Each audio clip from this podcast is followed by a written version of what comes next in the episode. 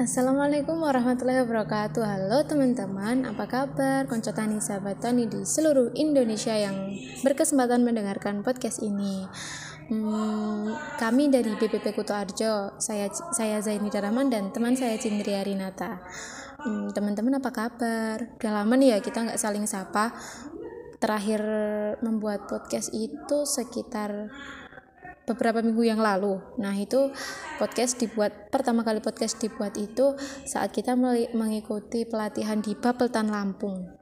Hmm, sehabis itu sepulang itu kita belum pernah mencoba membuat podcast kembali teman-teman.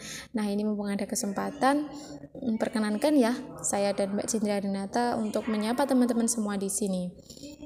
Uh, pada kesempatan kali ini saya dan teman saya akan berbagi tips nih tentang bagaimana uh, uh, budidaya.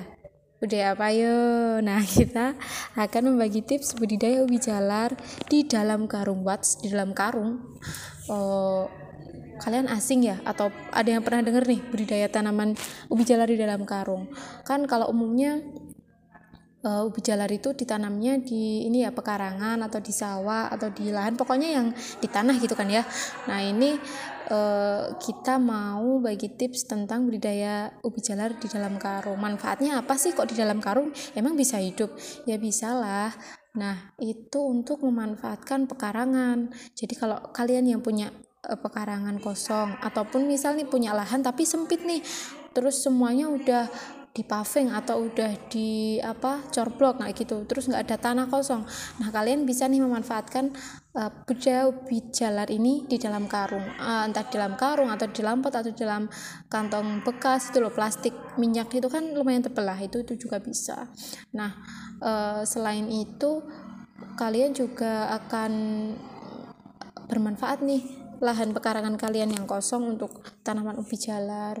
Daripada dibuat semak-semak dan buat sarang ular mendingkan di, dimanfaatkan untuk menanam uh, tanaman yang bermanfaat. Selain uh, bisa dimakan sendiri atau dikonsumsi sendiri kalau dalam jumlah banyak nanti juga bisa dijual loh teman-teman. Nah ini tricks and tipsnya seperti apa sih? Caranya gimana sih? Nah mungkin ini teman-teman nanti sambil bayangin aja ya. Soalnya kan kalau di podcast kita cuma dengerin suara aja.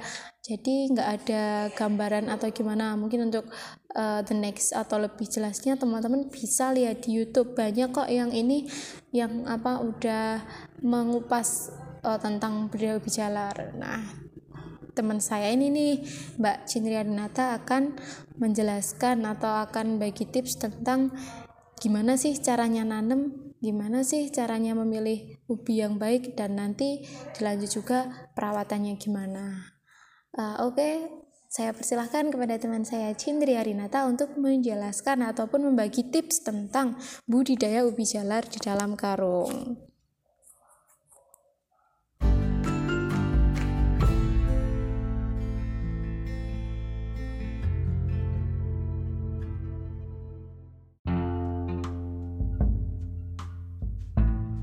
Halo, selamat sore semuanya. Saya Cindy Renata akan menyampaikan bagaimana teknik budidaya ubi jalar dalam karung. Sebelumnya, saya mau mengenalin nih, ada tiga jenis ubi jalar, yaitu ubi ungu, ubi kuning, dan ubi putih. Banyak orang mencoba membudidayakan ubi jalar di pekarangan rumah ataupun kebun atau ladang. Namun, selain ditanam di lahan langsung, ubi jalar ternyata dapat ditanam dalam pot, karung bekas, atau wadah lainnya. Berikut adalah cara menanam ubi jalar dalam pot, polybag, atau karung bekas. Pertama, persiapan bibit ubi jalar.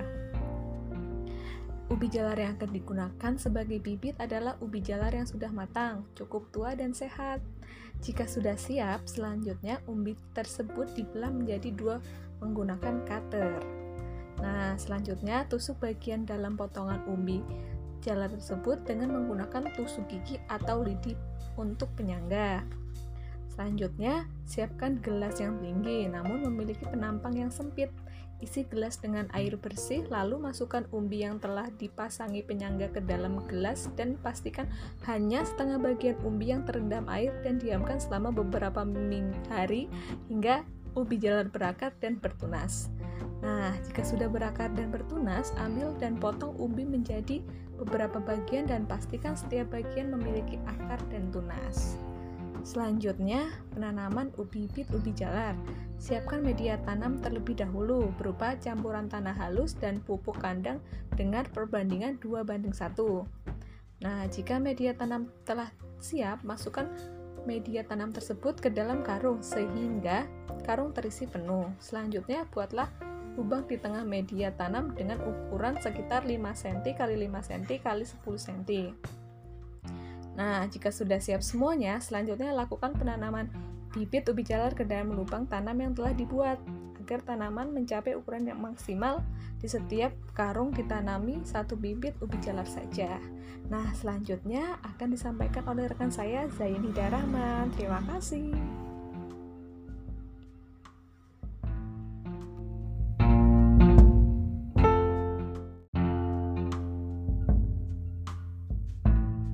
Oke Mbak Cendira Rinata, terima kasih banyak loh ya atas ilmu yang udah diberikan atau tricks and tips yang udah dibagikan sama kita semua.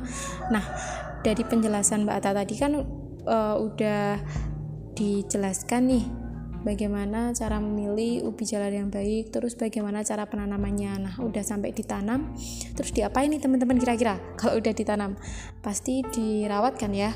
Nggak mungkin kan kita nanam nanam aja terus dibiarin begitu aja, nggak kita rawat, nggak kita kasih makan, kan nggak mungkin.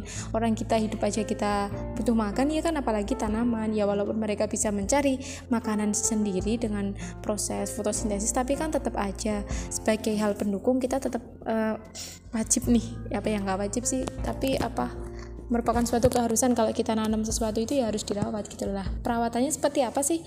Gampang kok teman-teman nggak ribet. Soalnya kan ini tanaman simple dan ibaratnya kayak uh, dia tuh strong dan jarang juga uh, apa ya yang nanam ubi jalar kok gagal gitu.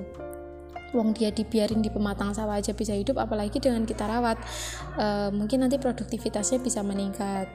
Nah uh, untuk apa perawatannya itu seperti apa sih? Cuma disiram ya yang umum, perawatan seperti biasanya sih. Cuma disiram terus dikasih pupuk dan sebagainya. Tapi kan ada pasti ada ini ya takaran-takarannya. Nah untuk penyiramannya itu uh, cukup dilakukan dua kali nih teman-teman.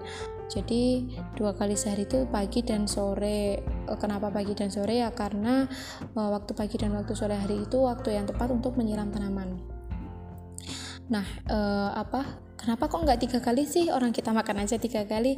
Ya itu uh, apa takaran yang tepat untuk ubi jalar apa untuk sebuah tanaman itu dikasih minum. Ibaratnya kan kalau kita uh, menyiram itu kan ngasih minum, ngasih dia nutrisi, ngasih dia energi.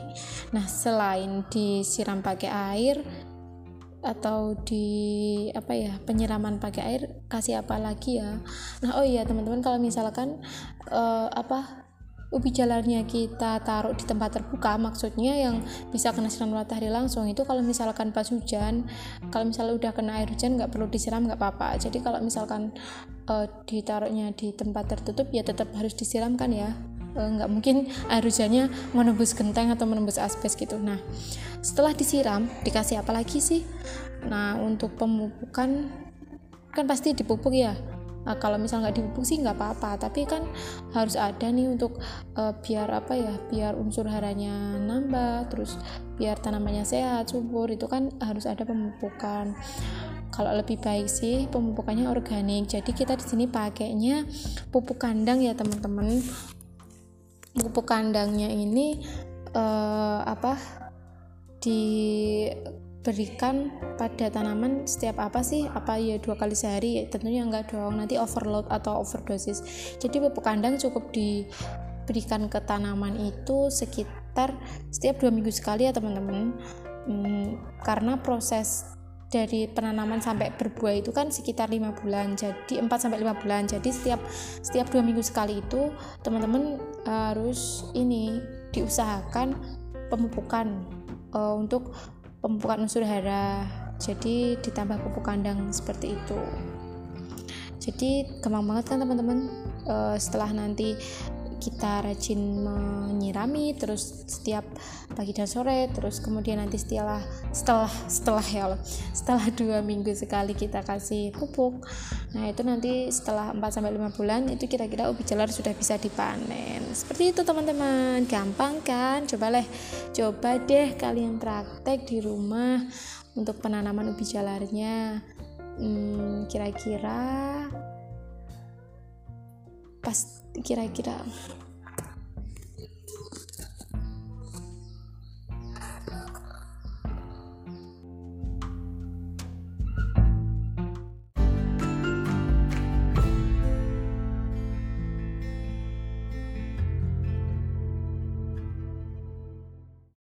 Oke deh teman-teman, bisa dicoba nih di rumah masing-masing untuk memanfaatkan lahan pekarangan yang sempit.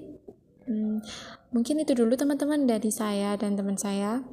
Uh, mungkin di lain kesempatan bisa kita sambung lagi dengan tema yang lebih menarik dan obrolan tentunya yang lebih rileks ya teman-teman. Mohon maaf ya kalau misalkan uh, ini terlalu bertele-tele ataupun kurang hmm, kurang apa ya namanya kurang asik pembawaannya karena kita masih sama-sama belajar semua ini teman-teman e, mungkin nanti untuk ke depannya semoga bisa ada kesempatan untuk menyapa teman-teman semua di podcast ini oke teman-teman selamat sore teman-teman selamat berbuka puasa selamat menunggu waktu berbuka puasa ya soalnya kan belum buka ya selamat menunggu waktu berbuka puasa semoga apa yang kita sampaikan tadi dapat bermanfaat dan uh, bisa dipraktekkan kalian di rumah masing-masing.